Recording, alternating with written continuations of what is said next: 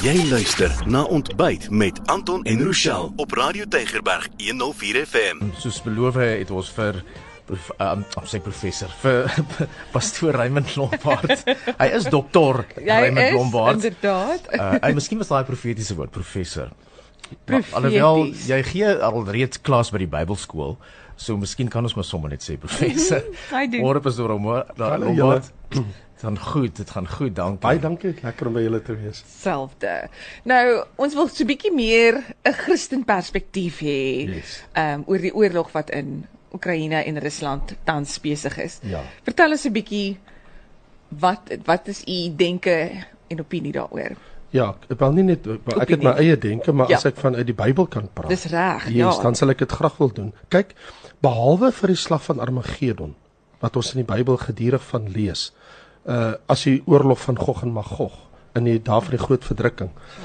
Lees ons in Esegiel hoofstuk 38 en 39. Dis 2600 jaar terug. Het Esegiel geprofeteer dat in die laaste dae sê die Here ek het dit teen jou o Gog, vors van Ros. En dit is Rusland. Hmm. Mesig en Tibal, dit is Turkye. So die Bybel is baie duidelik en hy praat hierso van die Perse, Iran, die Kassite en Peteers aanwoorde Noord-Afrika lande. So wil ek net gou eers iets sê. As ons praat van Rusland in die Bybel, die Bybel is baie baie duidelik dat hy sy spiere gaan bult in die laaste dae.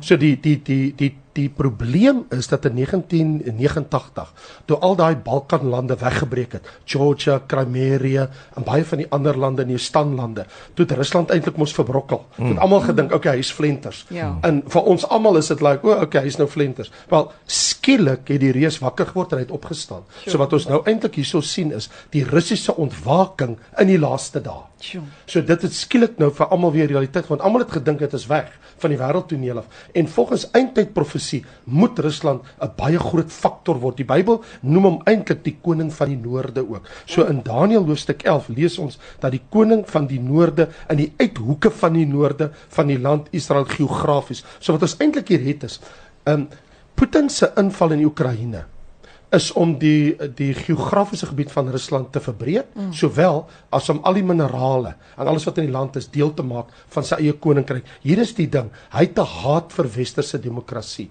Maar hier's waar ek kom.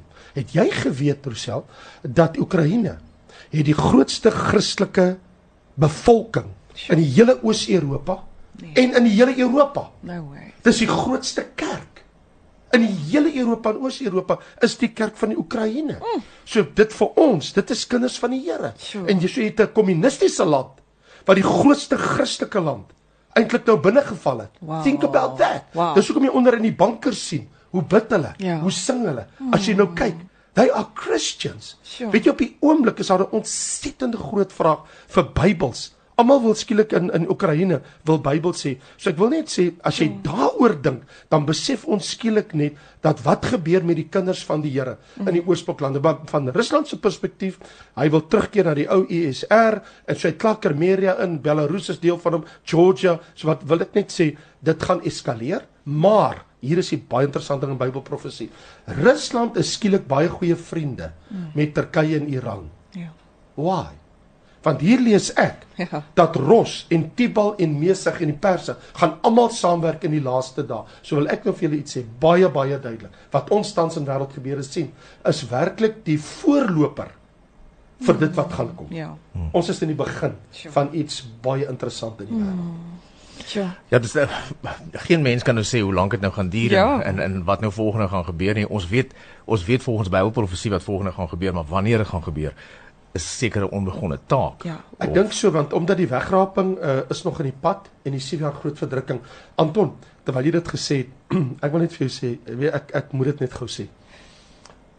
Jy weet wanneer iets in die wêreld gebeur, dan sê almal dis is dit. Mhm. Mm Ja. Dis is dit. Ja. Maar wil ek nou sê en hulle gebruik hierdie profeseë, baie mense in hulle onkunde om te sê, maar dis wat nou gebeur het. Ja. Onthou, die anti-kris het nog nie sy verskyning gemaak nie.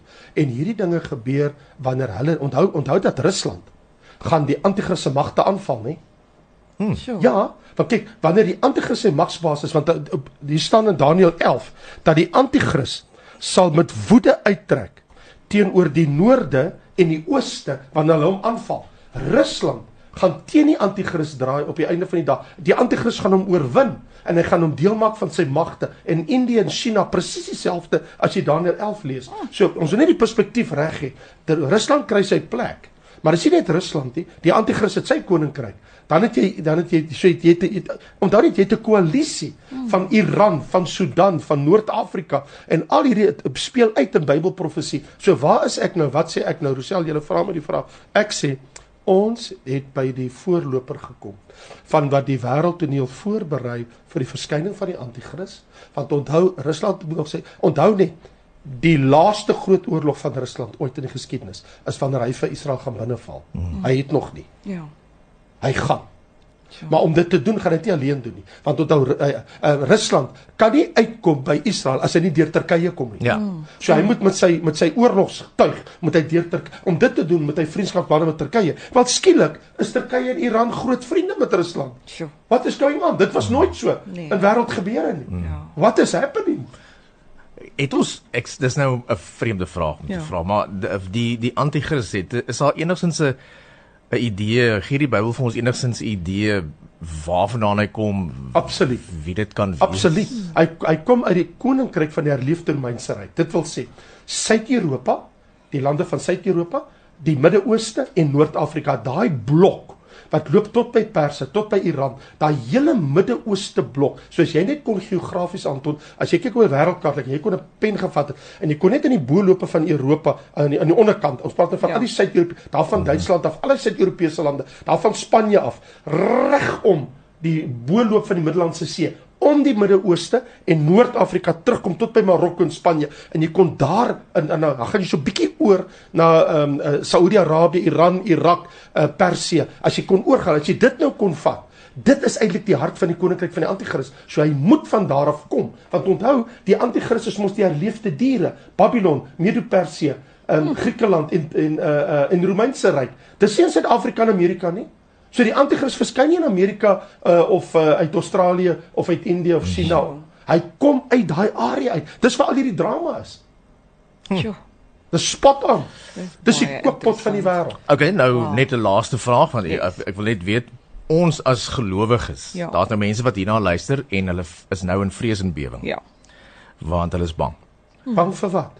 Maar dis nou wat ek vra. Wat wat sê jy nou vir vir die mense wat nou luister wat ja wat met hulle hand voor hulle mond sit en omtrent nou nie die kinders by die skool wil aflaai nie want die einde is nou hier. Ja. Jy sê ernstig. Nee, maar daar is, is mense wat so dink. Daar is, daar is mense wat wat so reageer. Okay, ek sê dis waar ek is. Kan ja. ons iets doen? Ja. Asseblief, as jy 'n Christen is, vat jou hand voor jou mond weg en gaan op jou knie en bid vir die kerk in Oekraïne. Mm, amen. Number 1. 2. Bid ook vir die land.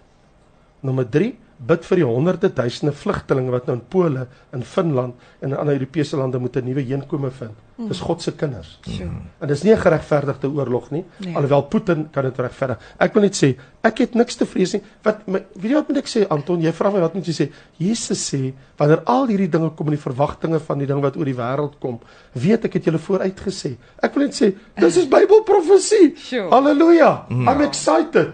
Ek bedoel Jesus kom. Wat ja. wat sal ons nou? En hy sê in die wêreld sê hulle verdrukking, my gaan jy vrede hê as kind van die Here. Jy het die vrede van die Here. Jy het die beskerming van die Here. Jy het niks om te vrees nie. Sjoe. Dat dat die vrees wegkom van jou en bid eerder vir ander kinders van die Here wat jou gebede nou nodig het. Absoluut. En en as daar nou mense is wat nou ingeskakel is wat wat nou dink aan die uh, gelykenis van die 10 10 maagde. Yes en wat wonder o genade asseblief ek hoop nie ek is van daai vyf wat slaap nie. Yes. Hoe moet as as hulle dit vermoed, hoe moet hulle wakker word en wie is die slapende maagde? Ja, hulle het nie, hulle het nie 'n verhouding gehad met die bruidegom nie. Hulle was nie gereed nie. In ander woorde, maak seker want die waaroor die hele ding gaan, die deur is gesluit. Dit spreek van geestelike gereedheid. In ander woorde, ek moet my geestelik voorberei op die wederkoms van hoe doen ek dit? my verhouding nie met my pastoor nie, mm. nie met die kerkraad nie, mm. nie met gemeente en my man en my vrou nie, my verhouding met Jesus. Jou mm. enigste manier, want onthou as hulle verhouding met die bruidegom op paar was soos die ander vyf, het hulle olie in hulle lampe gehad. So hier's die probleem. Kry jou verhouding met Jesus baie vinnig op paar. Ja. Mm -hmm. That's what you do. Ja. So baie baie dankie pastoor Raymond Lombard. Waardeer dit. Hier is 'n hele paar mense wat presies dieselfde ding vra en dit is gaan julle hierdie gesprek op julle pot gooi Ons laai. gaan Ons inderdaad. gaan baie beslis ja. So dankie dat jy ingeskakel is en weer eens dankie. Ons waardeer dit. Ja. En, ja. eh, Baie dankie vir die voorbereiding. Ja. Ja. Hy, hy berei al jare vir. Uh, absoluut. Jesus Nee, maar hier is sê, hier die is mense se blaai. harte gaan blaai. besluit van vrees en verwagting van dinge wat oor die wêreld kom. Hef julle hoofde op na bo want my koms is naby. Oh, Dis wat jy doen. Kyk op.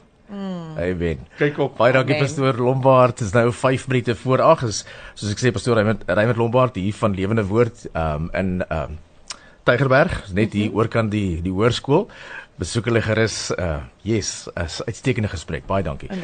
Jy het geluister na Ontbyt met Anton Brink en Rochelle Liedeman. Skakel elke weekoggend tussen 6 en 9 in. Net hier op Radio Tygerberg 104 FM. Jou beste musiek vir vandag se Christen.